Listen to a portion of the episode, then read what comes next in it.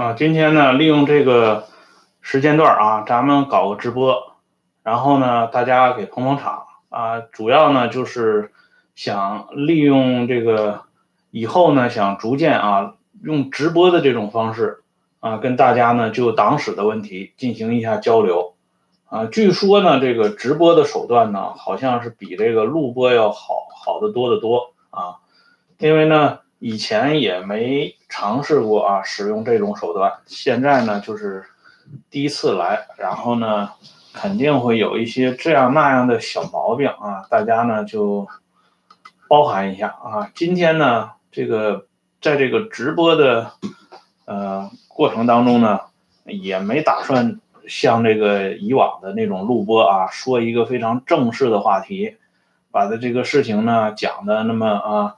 这个有头有尾啊，讲的那么这个，等于说是一个啊完整的过程，想就是通过这个调试啊，呃，跟大家闲聊几句啊，就这两天的这个，呃，网上啊，就是我的推特上啊，朋友们这个关于我的这个节目啊提出的一些问题啊，这个简单的做一下这个啊回答，比如说这个。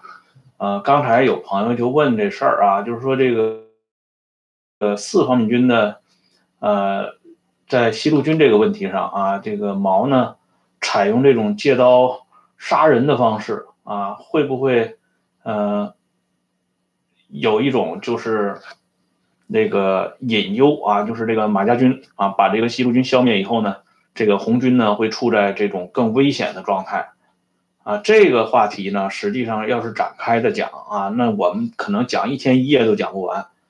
但是呢，啊，这里呢，我刚才我也回复了，就是说你这种有底线的人啊，咱们说你永远没办法啊理解这种无底线的人的这种操作方式啊。毛这个人呢，就属于典型的这种没底线的啊，他的这个思维当中呢，考虑的啊，就像李瑞说的。我只对我自己负责啊，宁可我负天下人，不可使天下人负我啊！哪怕呢，啊，最后真的到了鱼死网破的时候啊，我也绝不可能让你这个张国焘啊四方面军着了先鞭啊！我宁可最后大家搞的是一个玉石俱焚、同归于尽的下场啊！正是因为毛有了这种思想啊，所以呢。不论是党内党外，还是国内国外，几乎说啊，在他所处的那个时代，没有几个人不被他耍的，啊，你比如说扶植他上台的啊，斯大林这些人，莫斯科这些人，实际上也是被他耍了啊。美国人就更不用说了啊，美国人像卡尔逊呢，啊，马歇尔这些人，包括杜鲁门，是彻底被他耍了啊。如果美国人当时是另外一个态度的话啊。啊，劳动党想在盐碱地最后取得政权上的这个完整的这个啊，是不可能的啊。可以说呢，呃，国内的就不用讲了，像蒋介石那是彻底让他耍了个底儿掉啊，基本上是被他这个牵着鼻子走啊。这个人是呃玩弄的这套手法，在当时的情况下是无人企及的。而且呢，在党内，你看张国焘实际上也算是半世枭雄啊。他在鄂豫皖这个地方，这个根子是踩得很硬的啊。这个陈昌浩、徐向前以下这些人对张国焘那是有信仰的啊。呃，当年这个写这个西路军沉浮啊录的这个作者董汉和，他曾经做过一个采访啊。他这个采访是什么呢？就是到这个张国焘活动过的啊，就是战斗过的地方，就是川陕根据地的那些啊老区，他去呃到当地的啊党史研究部门啊取得这个工作上的联系，然后呢，当地的这个党史工作人员啊说，这个老董，你要是想让啊我们帮助你啊，这个啊我们想让我们帮助你的话。那特点呢，就是有一个要求，那就是什么要求呢？就是你必须啊，先回答我们一个问题，就是你认为张国焘是一个什么样的人？啊，是功大于过还是过大于功？啊，这个董汉和呢，那肯定就明白他问这个问题的这个出发点是什么了。那当然，董汉和就按照这个工作人员提出的这个要求回答了啊，就认为张国焘还是功大于过。这样呢，这个接下来的事情就好办了啊。当然，也给董汉和提供了真的很多的帮助啊。你比如说，我以前写过那个啊王树声的这个话题啊，好多年以前了，在这个博客上。啊，在这个个人专栏上，呃，熟悉我的朋友呢都知道啊。那里呢，我就集中提到了一个这个王树声枪杀李彩云事件啊，骑兵师参谋长李彩云被王树声私下里就给杀掉了啊。这个事情实际上就是当时人家这个呃当地的党史部门。给提供的这个引线啊，这样呢，这个董汉和后来才联系到了这个中将杜义德，啊，从杜义德的口中呢，知道了完整的王树声私下里暗制枪杀这个李彩云的过程啊，就是说能够挖到很多真料，但是你挖到真料的前提是必须得肯定张国焘。话又说回来了啊，就张国焘这么一个人，在这个四方面军在鄂豫皖在川陕折腾了好多年的这么一个人啊。手下八九万人马，最高的时候啊，曾经冲到十万大军，那真是这个方面统帅了。可是呢，在毛的手中啊，毛当时手下那是残兵败将啊，而且这些残残兵败将也都不归毛管啊，不是说全都听毛的话的啊。但即便是在这种情况下啊，他也没有斗过毛。就是毛这个人的特点呢啊，我们还记得这个西太后啊，那拉氏。老太太有过一句名言啊，叫“宁正友邦，不与家奴”啊，就这东西，我宁可送给外国人啊，送给外人，我也不给自己家的这些这个逆贼啊、叛逆啊，在他看来的是这个逆贼和叛逆，实际上不是那么回事啊，就是说，他们这个逻辑啊是一样的啊，这个光绪皇帝啊。在这个亲政之前啊，就是这个年龄到了嘛啊，皇帝要走到前台正式这个执掌大权，老太太要撤帘归政啊。在这之前呢，娘俩啊之间有过一个这个对话啊，什么对话呢？这个光绪皇帝就问老太太说：“那个老人家这个呃执掌天下这么多年啊，有什么？”这个，呃，具体的这个手腕呢，啊，这个传授一下呗，啊，老太太说，我能执掌天下这么多年，啊，根子就是两个字，啊，心硬，啊，就是我我给大伙儿打上去啊，这是直播就有这个好处，可以打字儿啊，心硬，哎，你看有朋友说露脸得了。啊，你这露个脸吧，借机会，哎，咱就回复心硬啊，心硬就是暂时先不露脸啊，不是不露脸啊，肯定会露脸。咱们长得也不难看啊，也不缺胳膊短腿儿，露脸是肯定没问题的。但是说实话啊，我为什么不露脸呢？这这这属于插播啊，大伙儿一听一就一过啊。我这不露脸的原因就是因为啊，你要是露脸，你看人家那些露脸的啊，都穿着这个。嗯，板板正正的啊，都穿个什么这个小马甲啊，穿个这个小衬衫什么的啊。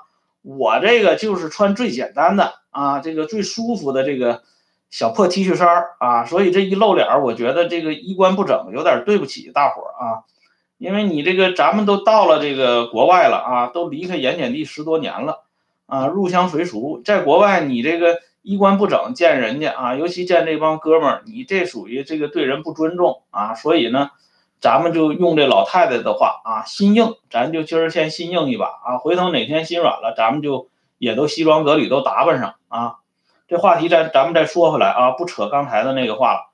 再说回来，这个这个呃毛泽东的这个做法啊，毛实际上就是心硬啊。很多人啊，这个以为啊，这心硬。那心硬不是一般人能做到的啊！有些事儿，你比如说，你对张三可以心硬啊，对这个大街上的人，你心硬，因为你你不熟悉他，对吧？你跟他没什么渊源，嗯，那那你心硬整起来没问题，对吧？你一方面军整四方面军的，那肯定下手黑呀，对吧？你像这个杨成武整这个，呃，张爱萍这些人啊，他都是一方面军的，但是他同不同于这个，呃，这个他是一军团和三军团的啊，那那整起来他也手黑呀，对吧？没问题的。可是回过头来啊，咱们都是一军团的老哥们儿啊，都曾经在这个，呃，一口锅里搅过马勺，那互相整起来，哎，怎么样？你这个。呃，这个能不能下得去手啊？啊，用毛泽东的话讲，就是说你在政治上啊开展不开展呢？啊，政治上开展啊，这个这也得打一下，要不然光听的理解不深刻啊。政治上开展，他理解上的政治上开展是什么概念呢？这个就是你能不能下得去手。这话呢，最早他在五十年代的时候，他曾经跟周扬讲啊，他说你这个人啊，政治上不开展。啊，所谓政治上不开展，就是指周扬对自己啊身边的人下不了手。到了六十年代啊，最后一次再跟周扬谈的这个话的时候，毛就说的更清楚了，说你呀，毕竟是啊这个地主阶级出身啊，你在政治上不够开展。这个时候，毛要求就是说，你周扬这个炮火已经不是说对着丁玲、冯雪峰、胡风这些你。历史上的这些仇敌开火啊啊！你是要对着跟你在一起的哥们儿、老哥们儿夏衍啊？那在上海滩的时候，鲁迅称周扬是元帅啊，给周扬起个外号叫元帅，给夏衍起个外号叫军师。这狗头军师啊，这夏衍在这四条汉子里啊，四条汉子，这很多年轻人不知道什么叫四条汉子啊，就是四个爷们儿啊，四条汉子。四条汉子是哪四个人呢？就是周扬、夏衍、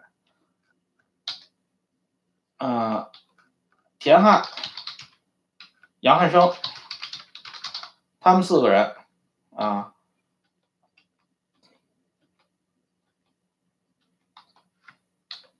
就是说，当初他们这四个人，哎，是跟这个鲁迅掐来着啊，用人家鲁迅的钱，然后呢，回过头来还骂人家鲁迅。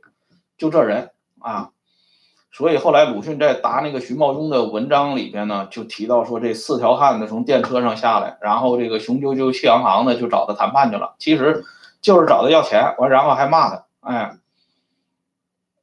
就是说毛跟周扬讲啊，你别光对着丁玲他们开火啊，周这个夏衍、田汉这几个，你这几个人你敢不敢杀？这周扬后来呢也豁下脸来了啊，他就批了回回这个文化部，他就开始批夏衍，但是他臭在什么地方呢？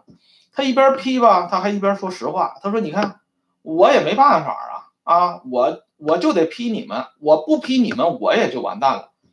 你这个东西不行啊，你把主子的原话说出来了。所以周扬最后，姚文元说周扬啊写的那篇文章，那是毛亲自改定的啊，哎。”论这个反革命，反革命的两面派，哎，周扬，这什么叫两面派啊？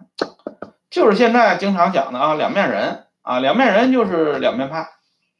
哎，你看有人问啊，四条汉子跟柯老有点有点啥故事？哎，故事很多啊。这柯老，我跟你讲，这柯老就是对这四条汉子一直就是不满意。啊，尤其对这个夏衍就不满意啊，这话题越扯就越远了。咱们还是回到刚才毛的那句话，心硬啊，还是回到心硬的这个话题上。毛不光是啊，对这些他历史上有夙愿的这些，你像彭德怀这些人，就是历史上凡是帮过毛的啊，咱们就从头讲啊，这王佐、袁文才，这是最早帮助过毛的。啊，没有王佐、袁文才，那也就没没毛什么事儿了啊，你就没有什么这个呃井冈山的故事了啊。今天这个再去朝拜，你也找不着地，找不着庙了啊。王佐、元才这个事件，我做过专门的考证，这个就是啊被毛啊利用杀害的啊。再一个呢，就是毛后来呢跟这个陈正仁也讲过啊，他跟陈正仁关系很好嘛，陈正仁也是他手下的一个小鹰犬啊，等于说，这个在一起聊天的时候，毛就说啊，他说我在历史上啊有几次这个危难时刻啊，这个有几个人啊对我的帮助很大。这个王佐袁文才这是一次，这个东固的李文林一次，再一次呢就是这眼下的刘志丹高岗。他说这话呢是二十世纪三十年代啊，所以他这个截止呢是刘志丹高岗。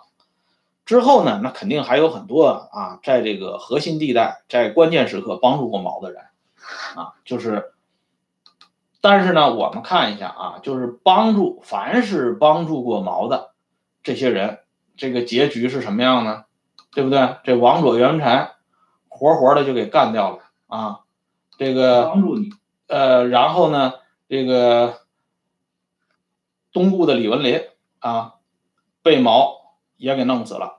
啊，而且是毛亲自这个操刀啊，作伪，搞的一个伪证啊，把这个李文林给弄死了。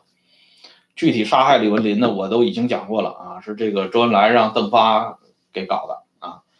刘志丹高岗呢，啊，这大家就不用说了。这刘志丹的死呢，到现在这谜底啊还没有完全揭开，但是有一点呢，应该已经是比较这个呃准确了，就是肯定是。死于他杀，而且是内部的他杀，绝对不是国民党开枪把他给干掉的，啊，这个高岗呢，啊，用的时间比较长，啊，这高岗这个，呃，一直用到五十年代，最后一次也把他给扔进扔出去了，啊，你看毛这个收拾高岗的时候，这个你说这个这人心硬啊，啊，他也有这个这个胆怯的时候啊，呃，这个还是。就是有点这个不好意思啊，因为那个时候在弄高岗的时候，毛就在杭州啊，说什么也不回北京，啊，就让刘少奇他们在北京弄高岗。他高岗死活要跟毛见一面，就是想当面啊跟主公这个披肝沥胆的陈述一下他这些委屈。但是这主公呢，哎就不勒他，没法见面啊，对不对？人怕见面嘛，见面还说什么呀？所以毛是绝对不可能。见面了，然后你看啊，这这这咱有明白的朋友啊，人家就讲这个长征一路怀孕的贺子珍啊，都翻两回，这说的太对了啊！你贺子珍这个情况啊，都都不在话下，你其他人还有什么可可研究的，对不对？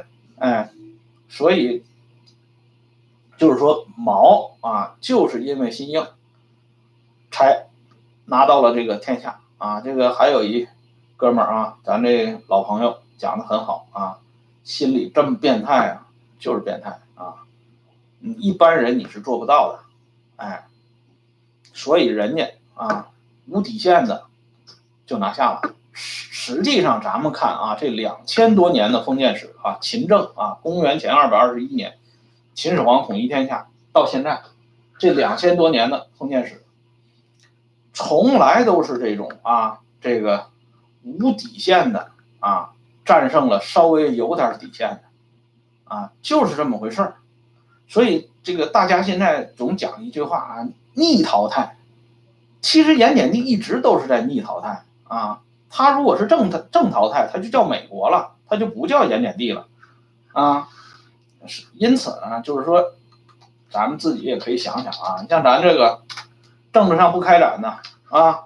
我就属于政治上不开展，你看这不光政治上不开展啊，不光政治，咱们在网上都不开展。你看朋友说露个脸吧，这这咱们还得捯饬捯饬，你不捯饬捯饬，你怎么敢露脸啊？对不对？那政治上不开展，网络上也不开展，所以咱们这个趁早就远离原点地啊，就就就躲出来了啊，就不跟他们扯了啊。我现在讲的这个这个话题哈，就是整个围绕这个四方面军的这个，哎。这个话题啊，这刚才又有朋友说了啊，这对这个咱们这民族绝望。其实我跟你讲啊，这绝望其实挺好的，真的。你这不绝望，你是产生不了希望的啊。你老有想法，老觉得啊，我我我得救中国啊，我得救这个盐碱地什么的，那没戏。我跟你讲，谁救中国谁先死。哎，因为这个东西啊，不是说你想救的啊，他根本他没法救啊。百分之九十九点九的人。啊，还在相信那个，这个躺在水晶棺材里的那个啊，那就是咱们这民族的图腾啊，至少是政治图腾啊。为什么呢？因为大家相信的就是这个，相信的就是强权啊，崇拜的就是实力啊，看的就是结果啊。你说别的没有用啊，对不对？什么什么什么这个啊，强奸小姑娘啊，什么这个卖假货呀，那那那都不重要，关键人家现在是有钱啊。之前的这个躺在水晶棺材里的这个人家有权啊，对吧？大家希望做到的都是后边的那个结果，至于那个过程不择手段那个过程，那还不就是我们这些喜欢翻腾点党史啊、翻腾点旧账的人才关注的吗？人家谁关注那个东西啊？人根本不关注那个东西啊！所以呢，这是咱们这个啊民族啊这个根子上的东西，老根儿上带来的东西。所以以前不是说嘛，你不管老根儿，你管原根儿啊，管周元根、周永康那没用的啊。周元根儿解决不了什么大问题，你根本意义上还是老根儿的问题啊。所以呢，咱们就这么说吧啊。刚才朋友还说郭松涛啊，说郭松涛那都是幻想啊，那都是幻觉啊。四百多少年的这个什么这个殖民地，你现在这个情况，谁指你啊？人家凭什么指你啊？人干嘛指你啊？对不对？你你。昨天还有朋友讲这个什么这个，呃，说我这观点跟那个网上有个叫刘仲敬先生的这个观点好像很相似啊，什么脱亚入欧。刚才还有朋友说这个点评一下刘仲敬，哎，老实讲啊，这个刘仲敬先生我他的这个作品我没有看过，你没看过人作品，你不能给随便乱点，对吧？但是既然这个有人说到这个刘先生，这个老刘先生他主张这个脱亚入欧。我就觉得啊，咱们趁早就别弄这脱亚入欧啊！你这个脱亚入欧，你就是把人家欧洲也祸害了。欧洲现在已经很惨了，对吧？咱们都知道眼下欧洲遇到什么情况，就不用多说了啊。从政治正确的角度来讲，真的就不用多说了。可是他已经这么惨了，你这个大清啊，你这脱亚入欧，你再跑欧洲去，好吗？那欧洲。欧洲就成盐碱地了，你知道吧？那时候你就甭去什么啊希腊旅游啊，什么这个旅游那个旅游的，你你你就张家界的干活吧你啊。还有主张那个什么中国分裂的这个啊，我觉得这些啊这些观点现在实际上都是远水解不了近渴。你你你分什么裂呀？你你分裂，然后就是等于说是原来的一个皇帝。啊，变成了十个皇帝，啊，然后呢，寻求外国代理，这外国人来了，就这盐碱地，我跟你讲，咱们不说别的啊，就这女真人，早年我还做过一些考证啊，这个女真人在入关之前啊，你得说啊，真的挺淳朴的啊，没有学会这些坑蒙拐骗偷啊啊，吃喝嫖赌抽啊，这个这个踹这个。呃，寡妇门呢，刨绝户坟呢，他这些事儿，他真的没干过这些缺德事儿啊。可是进了关以后呢，哎，短短几十年啊，到了吴三桂起反的时候，这八旗子弟就不灵了。为什么呢？学坏了呗。那为什么学坏了？那就跟盐碱地打成一片了呗，就这么简单吗？所以你你你你说你找外国代理，你这不是把外国人坑死了吗？对不对？你你外国人过来以后。你不也是面临这个问题吗？对不对？哎，所以呢，我觉得啊，这个，呃，这个大家就不要对这个有任何的这个幻想了啊。呃，这个这种啊，就是分割，你你分割有什么用啊？你像台台湾啊，台湾分割，说实话啊，台湾分割是因为啊，台湾跟咱们隔着这个这个这个呃。一条这个台湾海峡啊啊还行啊，这是背后有这个美国人的扶持啊，那个还凑合。你看这香港跟咱们多接地气呀啊！一旦脱离英国人的怀抱，哎，这大英帝国一旦不要它了，你看二十几年啊，二十二年，这个香港就已经变了味儿了，对吧？现在你说香港跟内地的区别，无非就是它叫香港，咱们叫内地啊。剩下的还有啥区别呢？没啥区别了。嗯，那个有的朋友问啊，说这个现在这个建议移民嘛，现在移民你往哪儿移呀？美加澳新就这四个国家啊，移民。你说这个，这个，这个美国啊，这个老川现在正往外轰人呢，对吧？你你往里去，这好像难度也比较大。这个加拿大现在是属于这种不务正业的状态，对不对？啊，然后这个澳洲、新西兰，新西兰这一白左总理，对吧？成天就表演，要么喂奶啊，要么干干别的啊，再不就一带一路的干活啊。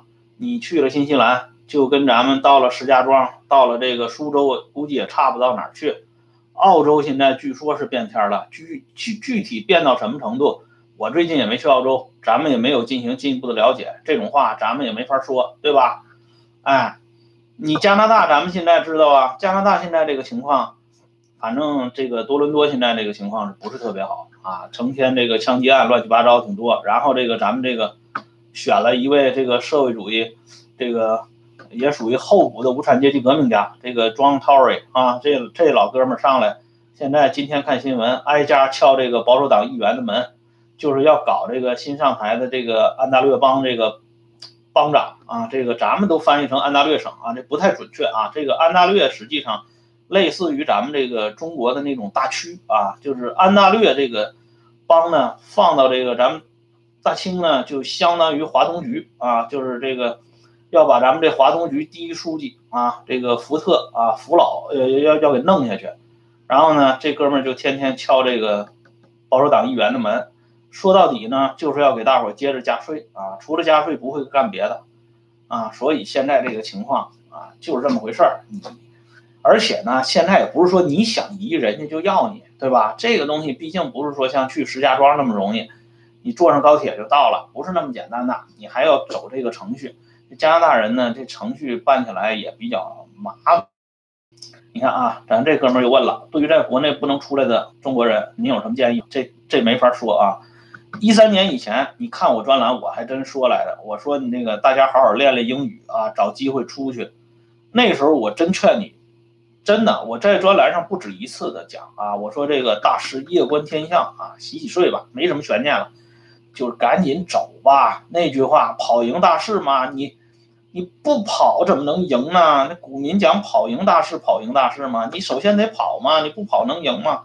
那时候还讲跑啊，因为咱们有一个时间点，二零一四年啊，你转款，二零一四年转款，你什么三姑六舅，什么大爷啊，什么这个姨啊什么的，这些人的名都可以用，然后五万美元的额度，啪啪啪，你就可以转出去了。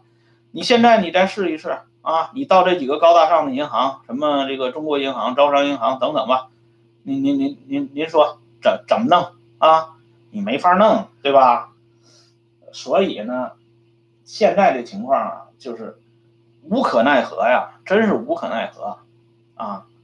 你让我出建议，我真的没什么好建议，我这是实话实说。我要是说。啊，我有好多建议啊，我我有一大堆建议啊，给你弄一个大单子拉出来，那是我是忽悠你啊，那我就那我就属于政治上比较开展的了，我就跟咱们这个劳动党的这个党魁、伟大领袖一样啊，那那那不行啊，那属于这个骗人的，哎，现在呢，而且出来有一个什么问题呢？咱们具体说一下啊，就说加拿大吧，多伦多。加拿大来，你也无非就是多伦多和温哥华吧，这两个城市。你这两个城市，首先房价，对吧？这个比较可观。而且你现在，咱们说啊，你这个人民币，你看着这比比价，我以前写过一个这个襄阳之战与这个汇率啊，这个变动，这个美元加元才是真金白银，那就像以前的那个袁大头和那个黄金似的啊，那是硬通货。哎，那叫钱。你现在的那个啊，人民的币啊，那个它不叫钱，那就叫票子啊，那就跟粮票也都差不多。什么时候废了，那谁都不知道，对吧？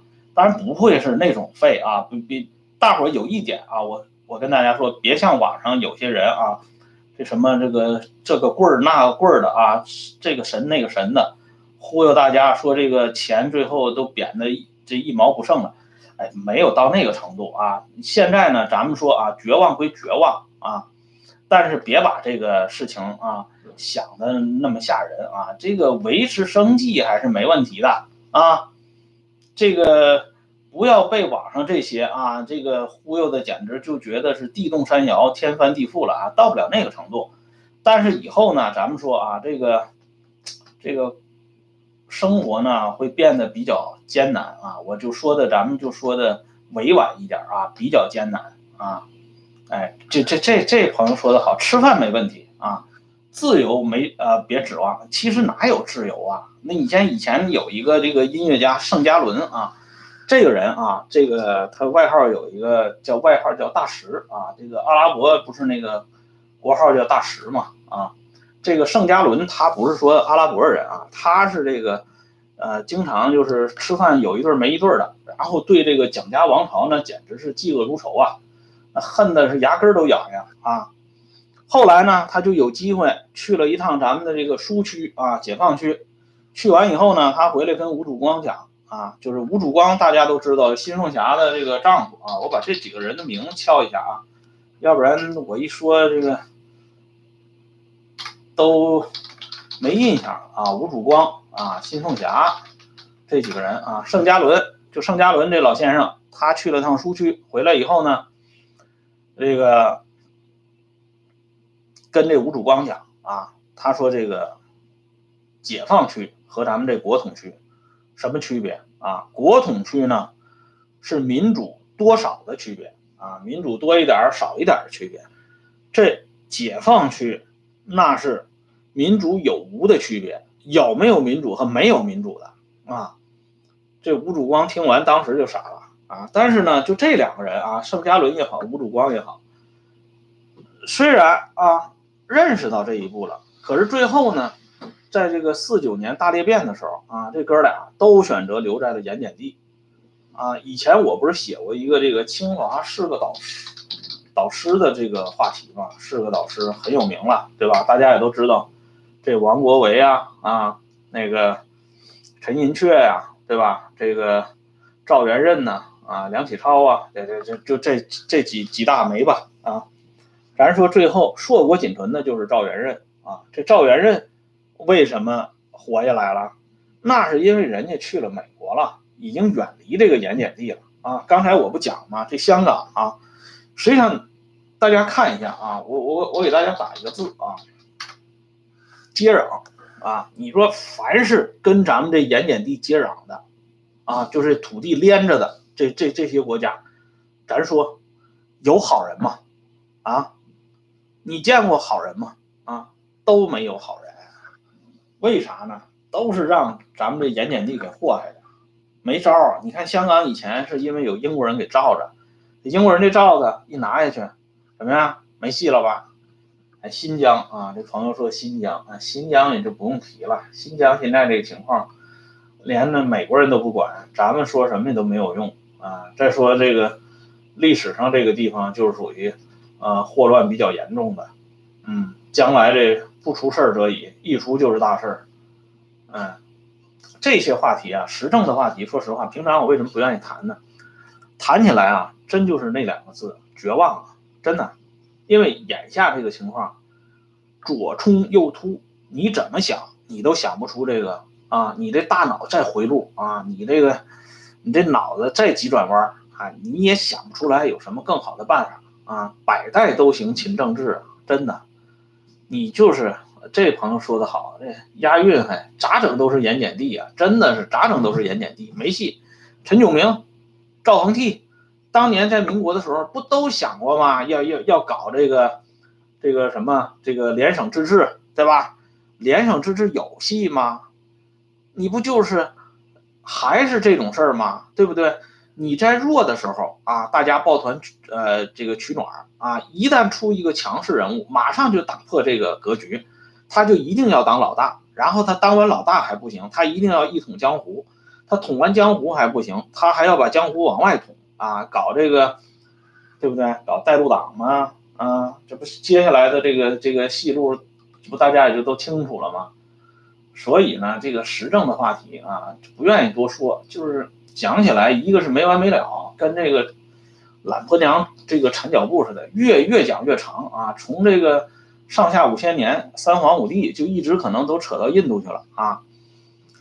再一个呢，你讲来讲去啊，你你有你有什么高招吗？现在大家想听的是高招，你知道吧？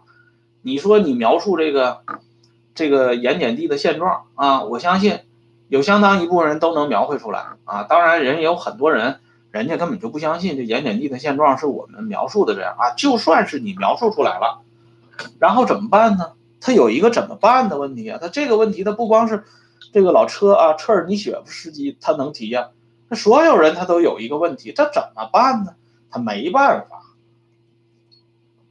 我给大伙举个例子啊，你比如说当年这个孙中山这个搞这个呃闹革命的时候，他这个三民主义啊，第一条是民主主义，驱除鞑虏，恢复中华嘛。实际上这个孙中山原来也不想这么弄。人家的核心是五族共和，政治正确，不能搞这种，哎，这种这个专门把这个满族人给拎出来啊，这个臭臭臭打一顿啊，这不行。可是呢，那个时候啊，最后孙中山接触了一下这个实际的情况，他不得不屈从这个这个观点啊，你就得驱逐鞑虏，你就得专门把这个满洲啊，这个挑出来当替罪羊啊。你不说他是坏蛋，别人不答应，那你不能说大家都是坏蛋呢？那都是坏蛋，人人追责，那不就就全完蛋了吗？实际上，咱们说啊，这个盐碱地板结两千多年，你怎么能不是人人有责呢？对不对？啊，你如果不是人人有责，人人都愿意接受，或者说绝大多数人都愿意接受这样一个这个规则，这么样一个文化的话，你怎么能百代都行秦政治呢？这不是？这不扯淡的吗？对不对？你说傻子都能琢磨出来的道理啊，啊！但是呢，你要搞人人过关，那你就垮台了，你就别玩政党政治了，你就回家抱孩子吧，或者像我这个在网上做做直播吧，对吧？完还不不能露面，属于严重的政治不开展的这种，对不对？哎，所以有些话你真的不能说太透，有些事儿呢，你真的不能往深了想，想多了，自己一想真的没啥意思的，对吧？好在呢，咱们这个。这个什么啊？咱们现在因为已经脱离盐碱地了啊，做充其量呢，咱们是作为一个旁观者啊，这个看一下这个情况。因此呢，我说啊，我还是比较愿意讲讲这个咱们大清的这个历史啊。这个大清的历史呢，这个比较厚黑啊，在世界上属于独一无二的啊，这属于蝎子的这个大粪独一份儿啊，这没得挑，哪个国家的历史都没有咱们。大清国的这历史黑啊，这个而且呢，这简直都黑出茬来了啊，各种各样的黑啊，就是新加坡这个啊，这咱咱这哥们儿问新加坡，新加坡我我我没去过啊，没没法了解，但是我最近认识一个好朋友啊，在网上认识的，他就常年住在新加坡，他给我讲讲很多这个新加坡的事情，哎，修正了我这个原来对新加坡的这个概念啊。他是说新加坡这个地方还可以，但是这这个啊，这个咱们具体就了解了解吧。这个不是我们这个话题的这个主流啊，咱们这个话题主要就讲这新英啊，讲这个这个什么啊，讲这政治上不开展啊，所以呢，这个最后呢选的就是这个讲个党史啊。这个党史呢，实际上啊，咱们有一个朋友也提到这个问题。说这个近现代中国历史啊，太半都是党史啊，如果不把党史搞清楚啊，那你剩下的就都不用聊了啊。我把这几个字打上啊，太半都是党史。所以呢，咱们现在呢，只能做到啊，让历史告诉今天，甚至告诉未来，也就是告诉告诉啊。接下来具体怎么办呢？那就是古人的那句话啊，我再给打一下啊，各安天命吧。哎，因为这种事儿实在是没办法啊。现在眼下的这个情况，大家从这个推特上也能看出来啊，情况呢明显是不是特别好啊。当然了，这个宣传上是讲那个形势不是小好，而是大好啊。这种话咱们在文革看这个文革史当中呢。都能看出来啊，这文革史当初不就是这样吗？哎，都是啊宣传，不是小好大好，但实际上是怎么好呢？啊，大家也很清楚啊。这个有一哥们说啊，中国需要一个外来的啊先进强权占领并加以改造，就像二战以后美国占领日本一样。这个观点啊，倒退五年，我绝对赞成这个观点。但是现在我不赞成这个观点。为什么不赞成这个观点？因为你你这个文化这个底子啊，咱说这个老底子不行了。咱们这盐碱地的底子太潮了，知道吧？底子太潮，你没办法弄啊。你跟日本，你跟日本不能比。我给你举一个最简单的例子啊，咱们就说这牙刷啊，咱说一下牙刷的这个历史啊，这刷牙。啊，今天谁都知道刷牙。你知道以前啊，这个日本人派这个遣唐使啊，什么阿倍仲麻吕啊，这些人啊，到这个唐朝的时候，哎，这些人接触的这个李白，你知道吧？大诗人李白，你看李白诗做的那么顺啊，他牙不行啊，他牙是黑的，你知道吧？历史上有记载的，咱们那个文起八代之衰啊，文起八代之衰啊。道济天下之逆啊，这是苏东坡这个给这个韩文公啊，呃的评价啊，就是说这个人了不得呀，就是说简直是让这个文起八代之衰啊，道济天下之逆的韩愈，那有历史记载，他那牙整个是黑的，而且残缺不全，为什么呢？常年不刷牙呀，哎，但是日本人当时他来。来来学啊，学唐朝，他什么都学。哎，他一看这些大诗人啊，这些名人，这牙都是黑的啊。他说这，他就是哎，这牙肯定得是黑的才行啊。这是先进的这个文化的啊前进方向啊，三个代表之一。人家马上日本人就回去了啊，这不刷牙，恨不得用鞋油刷牙啊。那时候没鞋油，但是也就路类似于这样。所以有一段很长一段时间啊，日本人不光他这天是黑的，这牙都是黑的。但是后来日本人发现了啊，这印度发明了这牙刷了啊，当时是用木头啊，这个木屑啊装订成的牙刷啊，人开始刷牙了。日本人也刷牙，日本人刷牙比中国人刷牙早。我举这个牙刷的例子是什么意思呢？就是说人家一开始啊是跟你盲目的学。可是人家马上就把这个好赖就区分出来了。你韩愈，你再文起八代之衰，再道济天下之逆啊，你你这不刷牙不行，是不是？哎，所以你看日本，他学中国，你包括那朱顺水东渡啊，作为这个明朝的移民啊，这个不是那个移居的移啊，就是那个遗留的遗啊，朱顺水。然后呢，他到日本去。给日本人，包括这个德川幕府的大将军们讲学啊，呃，朱顺水就知道这明朝啊就毁在这八股上啊，所以呢，他不给这个日本人讲这个宋明理学，而日本人自己呢也意识到，你这个宋明理学就是什么培养这个伪君子和奴才的都这个东西，所以人家也不学啊，人家学东西真的是抽丝剥茧。啊，好的东西留下，坏的东西给你打发回去。你咱们啊，要是有引进这么一个啊，所谓先进生产力进来，进来以后好吗？咱们肯定是把那坏的留下啊，好的给打发回去啊。最后呢，把这先进生产力也变成落后生产力了。你不信，你就算是美国人啊，咱就说的这个政治不正确一点，就算美国人进来啊，就这些，咱就说先先石家庄吧啊，给他管，你放心，最后。一水的都是三路啊，一水的三路啊，没跑啊，没戏啊，所以呢，他这个这种观点，以前我也认为，就是说，呃，采取这种啊，像这个美国改造日本那种不行啊，根子完全不是一回事儿啊。行了，今天咱们就说到这儿吧，一下子说了四十多分钟了。啊，回头咱们找时间再聊啊。这个这一调试，这话一说开了，简直都是啊！哎，有人还问我是不是研究生学历？哎，我还真就不是研究生学历，本人就是大学本科啊。这个我经常说嘛，我就是举人呢啊，举人，古代的举人啊，政治不开展的举人。这宗教信仰，基督教，哎呀，这个基督教的话题，那简直就是不能提了啊！这个一提又政治不正确了。现在这个这个最正确的教肯定不是基督教了，而是另外一个这个啊，咱们都知道那神教啊，那都是啊。